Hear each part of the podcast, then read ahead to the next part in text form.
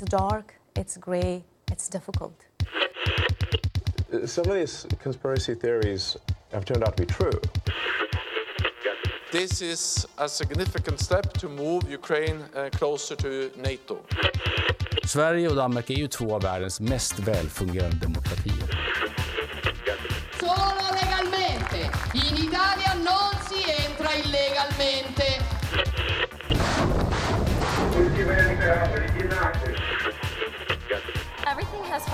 Place. I feel really good about where I am right now. Fredrickson of Denmark and uh, the, the Minister Jacoba, the daughter of Ireland. Do you guys ever think about dying?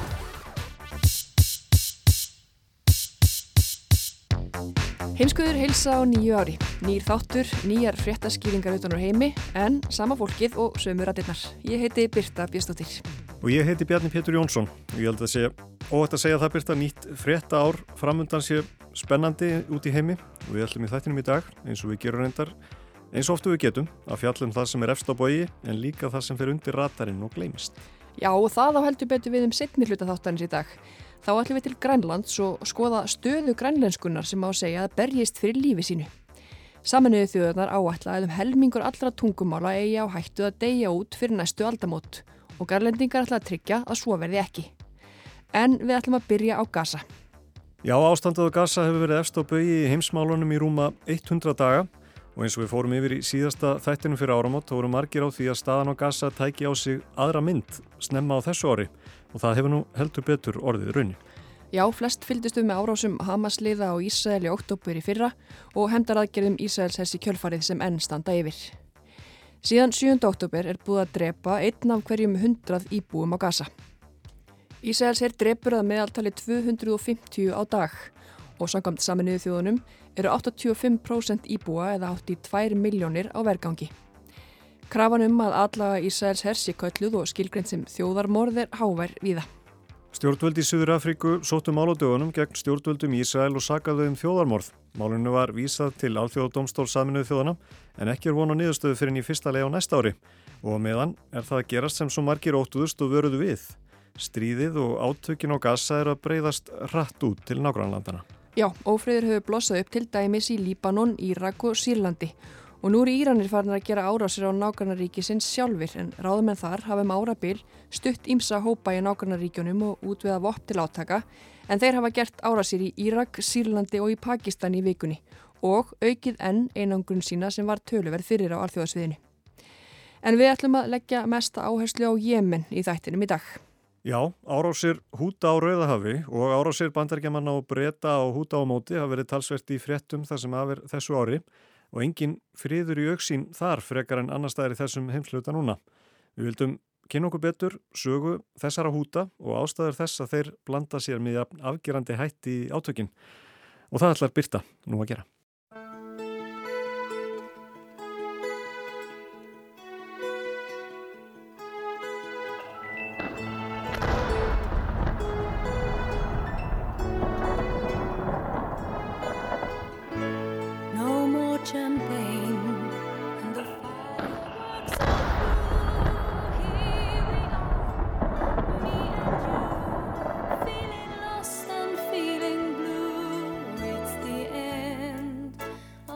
Ekki bara á Gaza sem nýja árið hófst á loftárásum. Líkt og mörg óttuðust hafa átökinn nú breyðist út og nýtt ár hófst sömur leiðis með reglulegum loftárásum breyta og bandarækjamanna og bækistöðar húta í Jemen. Þær árásur eru svör við loftárásum húta á fluttningaskip á Rauðahafi undanfarnar vikur.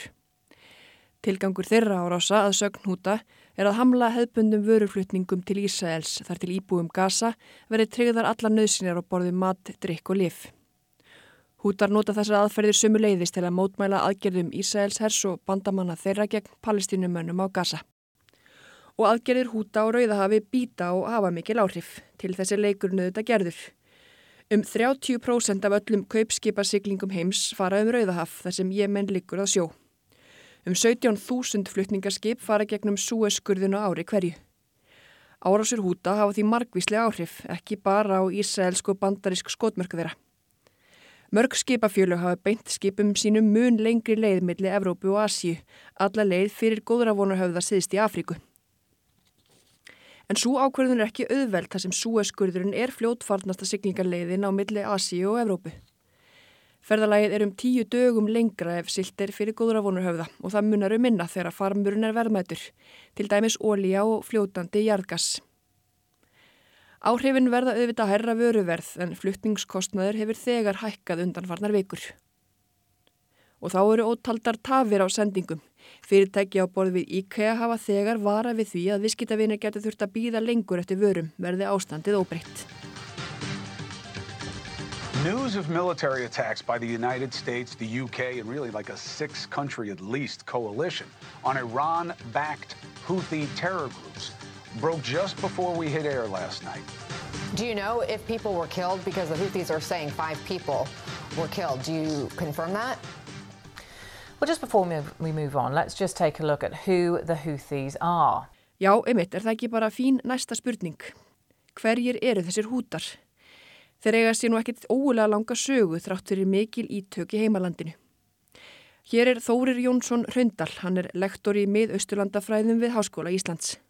Hútar eru í rauninni eins konar samtök sem að, já, Rísa er, er komið að legg þarna svona snem á tíunda áratögnum um, svolítið í anstuð við þáverandi fórseta og þáverandi stjórnar hætti og, og þeim hefur svona vaksið ásmegin síðan. Fylkingi var í upphafið stopnuð undir fóristu Hussein Badareddin al-Hudi og þaðan er nafnið komið.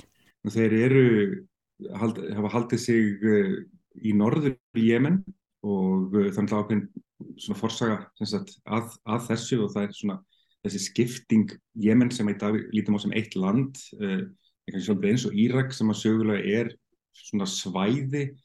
Uh, nú Jemen er uh, já, sögulega skipteil í norður Jemen og söður Jemen. Og þessi fósiti sem þarna er minnst á Ali Abdullah Saleh héttan Hann var fósitt í Jemen alveg frá 1990 til 2012. Þessi, þessi fyrirvændi fósitt í Saleh er auðvitað mjög stór karakter þarna sem að hefur já, líka leikið tveimur skjöldum, hann gekk til við húta á tímabili og saði þessu svo aftur frá þeim. Og, og það er rétt, eftir stuðning við Vesturlönd í stjórnatíðsinni gekk hann til liðs við hútana árið 2015 en saði þessu úr samstarfi við þá tveimur árum síðar og var skömmu síðar skotin til bana. En höldum aðeins áfram með hútana. Og minn er um, á vissulegt ofinlegt að að því leiti að þar er mjög hátt hlutfall síja múslima. Og það er þessir Shia múslima sem kenna sig við Saidi uh, útgáfuna af Shia. Og það er talið að sé já, líklegast rúmlega þriðjungur uh, Jemen búa uh, Shia og meðan hlutfalli annar staðar er oft svona kring 10% eitthvað, eitthvað þannig. Og hútar að heilast þessa Saidi grein Shia múslima í Jemen. Um, og þeir hafa sín ákveðin engin ákveðin svona sögulegt svona sögulega sjálfsmynd sem er mjög byggð á þessum, þessum slóðum þarna í norður Jemen og, og þá má kannski líka uh, hugsa um það að norður Jemen sögulega tegir sig inn í svæði þar sem Sáti-Arabíu er í dag, þannig að söðu vestast í Sáti-Arabíu. Það er svona, já, þannig, og þetta er svona þetta, þetta landsvæði og þeirra trú er svona það sem að helst kannski svona uh, skýrir þeirra sjálfsmynd og afstöðu.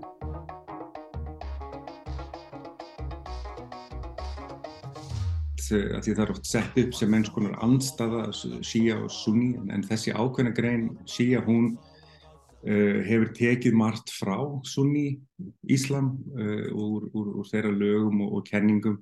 Þannig að það er svona, já, það er svona lengri kannski trúfræðileg greining en, en þeir hafa alveg sín, sín einkenni og er ekki eins og kannski stundum tilheng til þess að uh, hugsa ekki beint eitthvað svona útibú frá Íran eða eitthvað þannig eins og, eins og það er ekki beint þessi trúar í og í rauninni ekki heldur menningarleg tenging þannig að þeir eru, já, svolítið á sínum svona eigin, eigin fórsendum þarna. Hútar hafa umtalsverð völd og áhrif í heimalandinu. Höfuborgin Sana er með annars að þeirra valdi og hefur verið í nokkur ár. Uppgangur þeirra og áhrif má að mörgur leiti skrifa á langt viðkvæmt stjórnmála ástand í heimalandinu. Við skulum aðeins rifja upp sögu Jemen.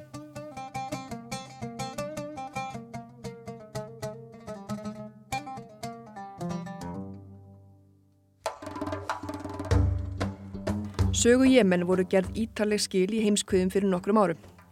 Þar sagði Ólöf Ragnarstóttir okkur meðal annars frá því að lítið eigmir eftir af glæstri forsögu Jemens sem þótti nánast fyrir heitnalandið á tímum Rómarveldis. Samfélagið er byggt upp af mismunandi ættbálkum og íbúa landsins skilgræna sig oft frekar sem hluta af sínum ættbálki en íbúa í landinu Jemen. Allar tilurni til að samena eða koma á stjórnkerfi sem allir hópar og svæði tilhera hefur ekki gengið sem skildi. Það var lausn í sjónumáli árið 2015 eftir langar samningaviðræður ólíkra hópa þar sem náðist að draga flesta að borðinu. Meðal annars konur, liðsmenn Al-Qaida, trúleysingja, húta, stjórnvöld, erindreika saminuðu þjóðana og fleiri. Hútarnir gengu þá frá samningaborðinu og bundu trúsitt við fyrrum andstæðingsinn og fyrrum fossetan Ali Abdullah Saleh, eins og áður var getið. Í upplösninni sem ríkti í Jemen í ljósi þessira nýjustu vendinga við samningaborðið hefja Sáti-Arabar loftar á sér á Jemen. Þetta var sem fyrir segir árið 2015 og allar götur síðan hafa verið flutta reglulegar fréttir af hörmulegu ástandi í landinu. Frá því stríðið hóst í Jemen hafa fjögur börn verið drepin eða alvarlega særð á hverjum degi. Talsmaður barnahjálpa saminuðu þjóðana sem er nýkomin frá Jemen segir að þessi versta mannúðarkrísa heims sé að falla í glemskunar dá. Læknir í söður hluta Jemen segist þurfa að horfa í augun á deyjandu börnum og geta ekkert gert til að hjálpa þeim. Aldrei hafa fleiri börn verið nærri hungurdauða og hjálparsamtök segja vandan aldrei hafa verið alvarlegri en nú. Hart er barist í Hafnarborginni Hodeida í Jemen þar sem 150 hafa látist í átökunum undan farna tvo daga. Formaður matvæla aðstóðar saminuði þjóðana segir sinnuleysi um heimsins yfir neyð í búalandsins vera skömm mannkinsins. Hungursneið sem vofir yfir miljónum íbúa í Jemen gæti orðið svo versta í heiminum í hundrað ár. Saminuðu þjóðirnar skoða hvort Sáti-Arabar hafi gæst sekjur um stríðsklæpi með því að einangra land á vonarvöl. Þessar fréttir sem hér voru týndar til af handahófi eru frá 2018, frá 2020 og frá 2021. Síðan hefur ekki íkja mikið heyrst af ástandinu í Jemen í reglulegum fréttatímu. Er ástæða stópulla frásagna þaðan svo að þar horfir allt í betri vegar? Svari við þeirri spurningu er nei. Til að gera langa sorgarsögu stutta þá hefur ástandið síst batnað í landinu, þó svo að við heyrum ekki lengur eins og ofta af hörmungar ástandinu.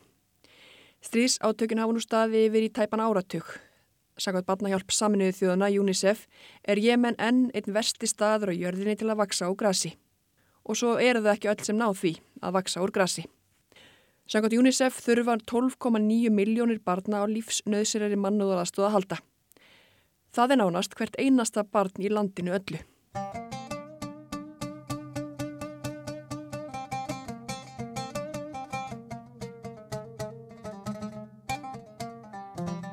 Í stöðu skýslu saminuðu þjóðana frá því fyrra kemur fram að matvæla öryggi hafi batnað örlítið í upphafi árs 2023, sérstaklega á svæðum sem stjórnveldi Jemen ráða yfir.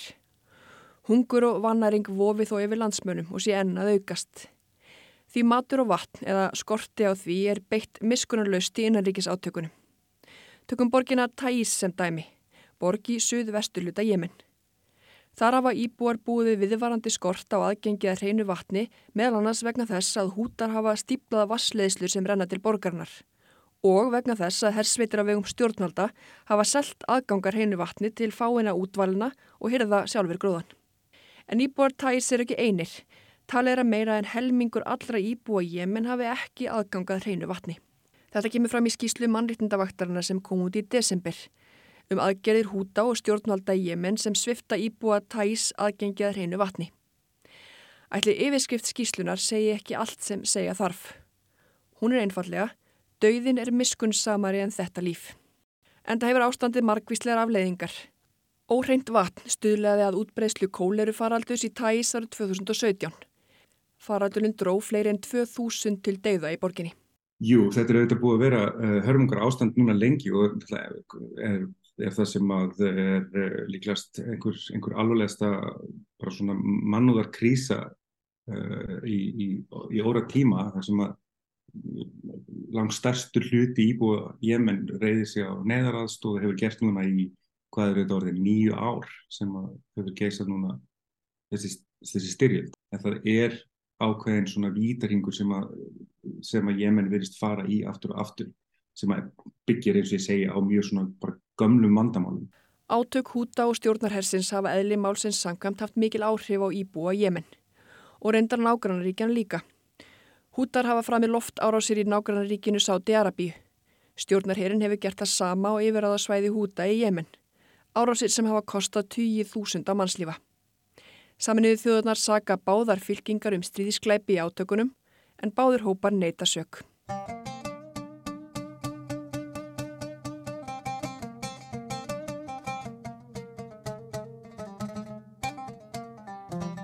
Það búa um 32 miljónir í Jemen, landi sem fjölmarkar alþjóðastofnunir og hjálparsamtök hafa líst sem helviti á jörðu og landi sem glými við mestu mannúðarkrísu í heiminum öllum. Um 80% þjóðverðnar þarf á mannúðaraðstóða að halda. Og að því að svona upptalning á tölum missur einhvern veginn alltaf mark sem stundum ágætt að setja hlutina í samengi sem við þekkjum vel. Tæplega 400.000 búa á Íslandi. Staðan í Jemen jafngildir því að ríflega 300.000 Íslendingar þyrtu á neyðaraðstóða að halda. Um 57.000 Íslendingar væru á flótta í eigin heimalandi. 72.000 Íslendingar römbuðu á barmi hungursneðar. Og það er í þessu umhverfi sem baristir í Jemen, bæði innan lands og utan. Höldum aðeins áfram að kafa í sögu hútana. Hér er Þórir aftur. Jemen er unni skipt í, í þessi svæði, norður Jemen, söður Jemen og, og það, svo skiptingir unni byggir svolítið á, á uh, þessu fyrirkomulagi sem var, hafði verið frá 19. öld, þar sé að ottomanar réðu þessum svæðum í norður Jemen á meðan breytar réðu söður Jemen, þá sérstaklega auðvitað til þess að tryggja siglingaleðina uh, fyrir Aden flóa sem eru þetta líkilatrið í öllu þessu og líka nú að þessi, þessi forsaga hún, hún skýrir svolítið margt af því sem síðan gerist. Uh, nú uh, Jemen er saminað svo 1990 en, en forsendurnar sem að þessi saminning var gerð á uh, var ekki svona, það líkaði ekki öllum við hvernig hún var og, og, og þessi hópar sem að síðan kenna sig við Houthi eða Al-Houthi Eh, sem er uppháðsmaðurinn þeir, eh, þessi hópar þeir upplöfið sér mjög svona jaðarsetta og eh, hreinlega útskúfaða í, í jemensku samfélagi. Þannig að þetta verður svona, já, svona samfélagslega óanægja og, og svo, svo breytir þessi óanægja líka í svona, hvað maður segja, svona ólíkar ytri áherslur þeir fara að horfa til meira til sko samtak eins og Hezbollah og, uh, og fleiri svona í, í kringum sig og þá verður svona þeirra svona já, útlegging á, á þessu verður mikil anstæða við við Vesturland mjög, mjög, mjög sögulega, sögulega anstöðu við uh, ja, Ísrael og uppbyggingu Ísraels ríkis uh, í Palestínu þannig að þeir, þeir, þeir byrja að byggja upp svona sína uh, ímynd á þennan hátt annars vegar með svona einri samfélagsleiri óanægi en líka bara með ó, ólíkum áherslum þeir, þeir lítu á Saleh sem svona í rauninni ákveði handbendi uh, vestrætna afla og, og Saudi-Arabíu. Stjórnvöldi Íran eru þeirra helsti haugur í horni og sína stuðningsinn í verki með fjárstuðningi, vopnasendingum og hafa sömuleiðis aðstúða við herrþjálfun. Og þarna komist við aðeins nær því sem nú er að gerast. Tilgangur húta með árásunum á Rauðahafi er eins og áður sagði að mótmæla árásum Ísraela og palestínum en á Gaza. En af hverju blanda hútar sér í baráttuna með jafn afgerandi hætti? Það er aftur, þeir, þeir hafa sagt, já, sögulega bara verið mjög gaggrinir á, á þetta fyrirkomlega þarna við botnum Mýrhars og, og þeir já, líta á sig sem sko, þetta sé þeirra, þeirra hlutverk. Þeir horfa til dæmis upp á mörg önnur arabiríki kringu sig, finnst þeir ekki verið að gera nóg. Þannig að þeir Um, og þetta er alveg svona inn, innritað inn í þeirra stefnu yfir lýsingu sko. þeir vilja Ísrael í burt og þeir vilja Gýðinga í burt og, um, og þeir um, já, þetta er, þetta er bara svona eitt af þeirra helstu stefnumálum Yemenis Houthis have said they'll carry on attacking ships in the Red Sea to protest against Israel's bombardment of Gaza despite a US decision to return them to the list of global terrorist organizations Í vikunni flaggaði bandarækjastjórn því að þau hefðust aftur vilja skilgreina húta sem hriðuverkasamtök. Aftur segi ég því stjórnvaldi í bandaríkjónum notuðu hriðuverkaskilgreininguna um húta fram til ásins 2021 Þá var svo skilgreining dregin tilbaka af Antoni Blinken, utaríkisráþara bandaríkjana, vegna mannúðar krísunar í Jemen. Nú vil sami utaríkisráþara og stjórnin sem hann tilherir breyta skilgreiningunni aftur. Hún tekur þó ekki samstundi skildi, það tekur vist 30 daga fyrir skilgreininguna að festast í sessi aftur.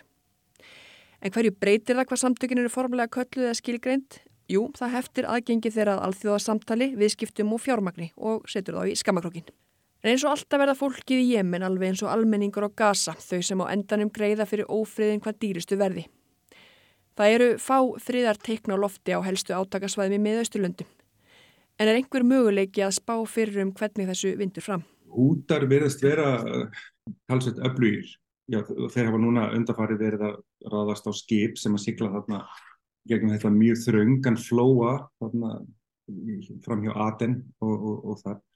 Og það er þetta mjög, mjög taktíst og þeir segja að, að þeir segja að ráðast á skip sem er á leið til Ísrael eða, eða, eða tengt Ísrael á einhvern hátt. En þeir, en þeir vita að þetta er um, sko að þetta svíður já, á Vesturlöndum og fyrir bandaríkning, fyrir breyta og fyrir alla enda sjáum við viðbröður að þeir hafa verið beintfarnir í, í loftar á sér. Þórir segist nefnilega ekki endilega að sjá fyrir sig mikla samningafundi í náinni framtíð. Nú það er Uh, sögulega hefur verið mjög erfitt að eiga við húta uh, svipa, svipa þessu í Afganistan og þeir, uh, þeir eru mjög bæði öflugan hér og svo eru þeir með mikið bækistöðum og, svona, og, og búa hreinlega í mjög háum fjöllum upp í, upp í Jemen. Þannig það ef það á að fara í einhver, einhver langtíma aðgerri í eitthvað hútum þá, þá getur það verið mjög, mjög langdreið. Uh, og þeir eru mjög ákveðnir og afdráttarlausir í, í sinni afstöðu. Það er víðar en á Íslandi sem fólk hefur áhyggjur af áhrifum aukinar snjáltækjanótkunar barna og móðurmálskunnáttuðra. Við ætlum að kynna okkur stöðu mála á Grænlandi. Þar þrengir ekki aðeins að grænlensku vegna áhrifa frá ennsku heldur líka dönsku. Þrátt fyrir að grænlenska hafi nokkur ár verið ofinbert tungumál þar er danskan enn fyrirferða mikil. Danni Hulda Ellensdóttir tekur nú við og ræðir við formann mannréttindaráðs Grænlands sem týndi niður grænlenskunni sinni á fyrstu árunum í grunnskóla.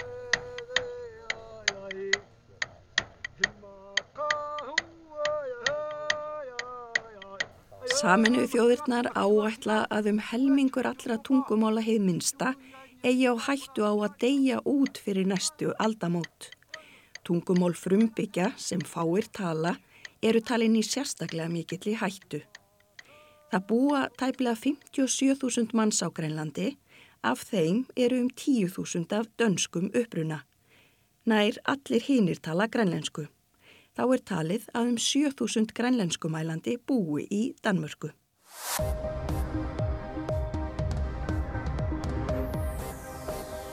Haalisarnermut inatsiissalu tiunnersuumut tusarniaanermut killiititak сивикиппаллаартоқ аалисарнэрмут аттуумассутилlit исумақарпут Þarna heyrðum við upp að fréttatíma hjá KNR, Ríkisútvarpi Grænlands. Nær allar útsendingar þar í útvarpi og sjónvarpi eru á grænlensku. Eins og mörg tungumál þá á grænlenska í vöka verjast á tímum stafrætnar bildingar og aukinar útbreyðslu ensku. Well, Greenlandic or Galatlisut as we call it is the official language of Galaslit Nunat Greenland and uh, the majority actually do speak Galaslisut but the authoritative language. Þarna heyrðu við í Kífjók Löfström, formannir mannréttindaráðs Grænlands.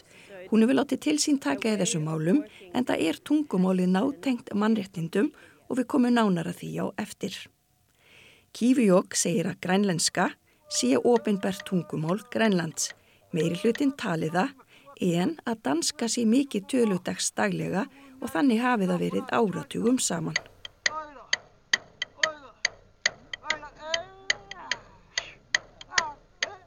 Grænland er hluti af konungsríkinu Danmörku en hefur viðtæka sjálfstjórn sem var síðast aukinn 2009. Þá tóku við mitt gildi lög um að grænlenska yrði ofinbært tungumál landsins.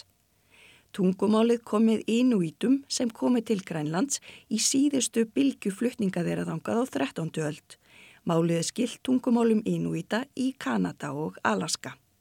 Með nýlenduvæðingu Dana jógst þrýstingur á að fólk á Grænlandi talaði dönsku. Samkvæmt skýrslu UNESCO frá 2003 um lífvænleika tungumála þá eru mörg önnur tungumál frumbyggja mitin í mun meiri hættu en grænlenskan. Áskoranirnar eru þó ymsar og svo helsta ekki ókunnuleg hér á landi. One of the main challenges is that we have a lot of youth who are using social media to learn new languages, which is wonderful that they become polyglots. But unfortunately, it also renders the ability to speak fluently in Galatlisut. And uh, it is also something we see everywhere else in the world where you have access to, for example, YouTube, because this media Kífiók segir að einn helsta áskorunin gagvart grænlenskunni sé að mörg börn og úlingar noti samfélagsmiðla til að læra ný tungumál. Hún segir það vera hitt besta mál að unga fólki verði fjöldingt en að því miður þá dræði þetta úr getu þeirra til að tala grænlensku reybrennandi. Þetta sé að samóegi sér stað víðar í heiminum þar sem krakkar hafi aðgang til dæmis að YouTube en það sé það mjög aðgengilegur miðill þar sem fólk virðist kunna tungumál reybrennandi. But when it comes to the written language, writing and reading, you can see that there's a lot of comprehension difficulties. En þegar koma skrifuðumáli og lestri séu augljóstað ímislegt vandu upp á skilningin. Á síðasta ári samþykti ríkistjórn Grænlands að verja auknu fjármagni til að þróa og vernda grænlenskuna.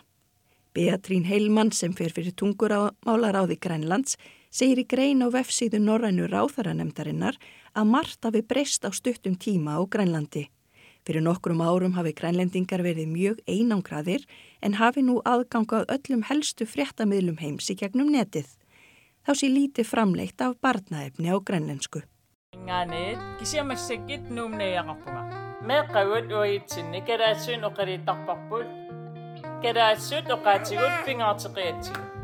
Nunatsinni inimammersanerpaartai kalaassut uqalipput kisia aama amersuukulukuluvut qallunaatut uqallerissit qallunaat ilinniartiineqarluartaratta taa aama þarna heyrðu við í grænlensku samfélagsmiðlastjórnunni Húpanúk sem er með 100.000 fylgjenda á Instagram og YouTube þar sem hún deilir ímsum fróðuleikum Grænland og frásögnum á daglegu lífi. Í þessari færslu segir hún frá því að heima hjá sér tala hún aðeins grænlensku við börnin sín og að tungumálið sé grænlendingum afar kært. Þá hverst hún hafa tekið eftir því að sífælt fleiri krakkar, sérstaklega í starri þjættbílistöðum, kjósi nú ennsku frekar en dönsku sem annað tungumál.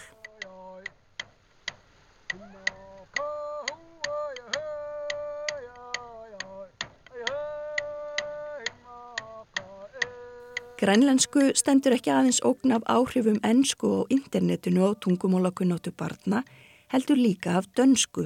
Flestir á Grænlandi tala bæði grænlensku og dönsku og þrátt fyrir að grænlenska hafi verið ofinbera tungumáli síðan 2009 eru áhrif dönsku en mikil. The thing is, at the moment, still, if you want to have a higher education in Greenland and get position in society where you have a sense of power or authority, you need to go to school in a Danish-speaking school or university. You need to have a proper understanding of Danish and you need to sound Danish to be taken seriously sometimes. Kífiók segir að staðan sé þannig að ef fólk vilja stunda framhaldsnám á Grænlandi og hljóta til dæmis valdastöðu þá þurfið að ljúka námi á dönsku. Fólk þurfa að skilja dönsku vel og í sumun tilfellum hljóma eins og dani til að vera tekið alvarlega. Or maybe you have to be even better at Danish than the Danes so that you can progress in a manner uh, similar to a normal Dane. And because of that, uh, uh, there has been a lot of tensions in Greenland because there are some who prefer to speak their own language, Galatlisut, but who feel like there's a barrier preventing them from taking on um, higher positions in society. Fólk fyrir jafnvel að vera betra í dönsku en danir til að hljóta framgangs til japs auð þá, segir Kífjók. Vegna stöðunar sé nokkur spenna á Grænlandi því sumur vilji frekar tala tungumáli sitt, grænlensku. Á sama tíma séðu upplifum sumra að séu hindranir í veginum vilji fólk taka að sér háttsetta stöður í samfélaginu. Þrátt verið þá staðreind að þetta sé landið þeirra Grænland þar sem ofinbera tungumálið sé grænlenska. But if you want to become anything or anyone who can have a, an impact, you usually have to either become a politician and be a Greenlandic speaking politician who can do your work that way, or you have to learn Danish or English for that matter. Ef fólk vilji gegna áhrifastöðu sé hefðbundin leið að verða grænlensku mælandi stjórnmálamaður eða að fólk gegni störfum þar sem tala þar dönsku eða ensku.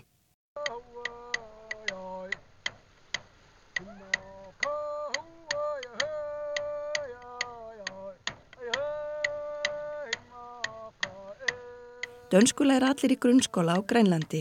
Sjálf lendi Kífijóki í því æsku að tapa niður kunnóttu sinni í grænlensku. Það gerðist á fjögur ára tímabili frá fyrsta bekk í grunnskóla og þar til í fymta bekk. My parents wanted me to succeed in life, so they decided, oh, we should probably speak Danish to her at home so that she can learn it properly. But what it, it created was a world where I could only speak Danish at the school and at home. And so I lost my language, Greenlandic. Foreldrar Kífijók vildu að henni myndi vegna vel í lífinu og ákváðu þess vegna að heima myndi þeir aðeins tala við hann á dönsku. Þannig myndi hún læra tungumólið reybrennandi. Nýðurstafan varð svo að bæði í skólanum og heima talaði hún dönsku og tapaði því grænlenskunni. When we moved to Ilulissat, which is in North Greenland where people primarily speak Galatlisut, there was a huge difference in the way I was treated because of my lack of Greenlandic language. Síðar flutti fjölskyldan til Illusat á vesturströnd Grænlands þar sem fólk talar aðalega grænlensku og mun minna dönsku. Hún segir að hafa verið mikil viðbreyði fyrir sig og að komið hafi verið öðruvísi fram við hana vegna lélerar kunnáttu í grænlensku. Hún segir mikla umræði á grænlandu með þessi mál enda sé tungumálið stór hluti af sjálfsmyndinni. Uh, we also have uh, more and more immigrants from Asia coming to Greenland speaking Tagalog or Thai or, or English as their first language and uh, have, having either mom and dad who is Greenlandic that also adds the Greenlandic language to them. So they speak three languages at home. And even then, they're also treated as outsiders sometimes. So there's a lot of uh, discourse on identity in Greenland right now and who should be able to get a passport and how do you get a passport? Is it through ethnicity? Is it through um, nationality? Uh, what is it? So this whole debate is still ongoing and it's very important that we are all part of this. Uh, Þá hefur innflytjandum frá Asíu fjölkað á Grænlandi. Fyrsta tungumál þeirra sé til dæmis tælenska eða enska. Börn þeirra eigi svo kannski mömmið að pappa af grænlenskum uppruna. Börnin tali því mörg hver þrjú tungumól heima. Komið sé fram við sum þeirra eins og utangarðsmenn og töluverð umræða er um sjálfsmynd og hver eigi að fá ríkisborgararétt og hvernig. Ætti það að fara eftir þjóðar uppruna eða þjóðarni. Umræðan er fyrirferða mikil, segir Kífijók og mikilvægt að allir fái að taka þátt í henni.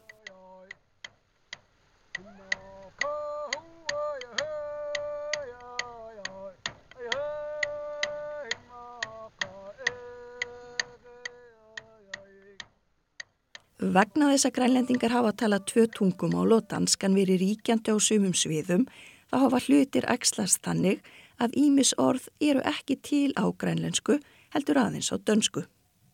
Því er núna verið að semja ímis fræðiheiti sem hinga til hafa aðeins verið til á dönsku. Kífjók segir einnig mikilvægt að hægt verða þýða ræður grænlenskar þingmanna á þann hátt að sómi sé að og að heil brú sé í innihaldinu fyrir dönsku og enskumælandi fólk sem lesi þýðinguna. To ensure that the debate in Greenland can become more nuanced, but also so that uh, uh, the words spoken by, for example, our politicians in the Danish parliament or so forth can be translated in a manner that is more dignified and more understandable by Danes or the English-speaking people who hear the translation. Grænlendingar vilja gera upp fortið sína og að mannrettindabrót danska ríkisins gegn þeim verði rannsökuð til hlítar. Má í því samengi nefna likjuskandalin þegar getnaðarvarna likju var komið fyrir í fjölda kvenna og barnignaraldri án vitundar þeirra. Margar glýmdu konundar við veikindi og gáttu aldrei eignast börn. Eins má nefna þegar börn voru tekin af foreldrum sínum á sjötta áratögnum og sendt til Danmörkur þar sem þau áttu að tilenga sér danska síði. Sum þeirra snýru aldrei tilbaka og eitt er að heim minsta hafði tínt niður grænlenskunni við heimkomuna. Grænlendingar eru síður en svo einu frumbyggjarnir sem hafa með tímanum þurft að tilenga sér tungumól nýlenduherra sinna. Það sama hefur til dæmis gerst í Kanada og Ástralíu. Það voru dæmi um það víða um heim að frumbyggjar hafi þurft að tilenga sér tungumól nýlenduherra einfallega til að komast af og með tímanum hafa tungumól þeirra dáið út. Eitt er að orða sem þarf að smíða á grænlensku er nýlendustofnun. Mannrettindaráðið sem Kífi og hver fyrir vinnur að því að endur þýða þá alþjóðasáttmála sem Grænland á aðildað og að þróa fræði heiti á grænlensku yfir ímis hugtök tegnd mannrettindum. The Human Rights Council, where I am the chair, in uh, the workings of uh, retranslating the conventions to Greenlandic, but also to develop uh, terminology when it comes to human rights. Uh, to words that make sense for Greenlandic people to hear and to discuss with. Because at the moment, uh, as you said, we do not even have the word for colonization other than colonization of the land. Hún segir þetta verða að vera orð sem fallað grænlensku og grænlendingar geti notað í umræðinni sem stendur séu aðeins til orð um nýlenduvæðingu lands. We do not have a term for colonization of the mind of a people.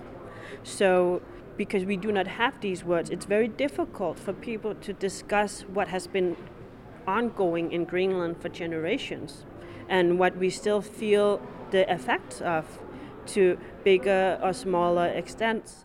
Ekki séu til orðum nýlenduvæðingu á huga og fólki. Og af því að þessi orðu vandi sé erfitt fyrir fólk að ræða um það sem hafi gengið á á Grænlandi. Þetta séu atbyrði sem snerti fólk enn og því mikilvægt að búa til orð sem tjá reynsluna. So it is extremely important to create this terminology. Þrátt verið þar áskoranir sem grænlenska stendur frammi fyrir og hér hafa verið taldar upp er rétt að nefna að tungumálið er ekki metið í mikilli hættu. 2000 tala grænlensku og síðast en ekki síst vilja verndana.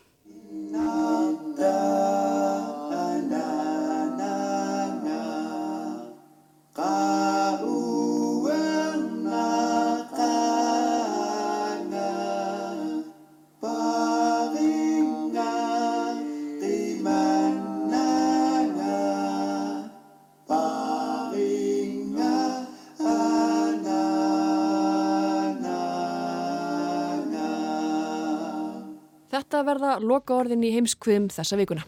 Við verðum hér aftur á sama tíma í næstu viku. Takk fyrir að hlusta.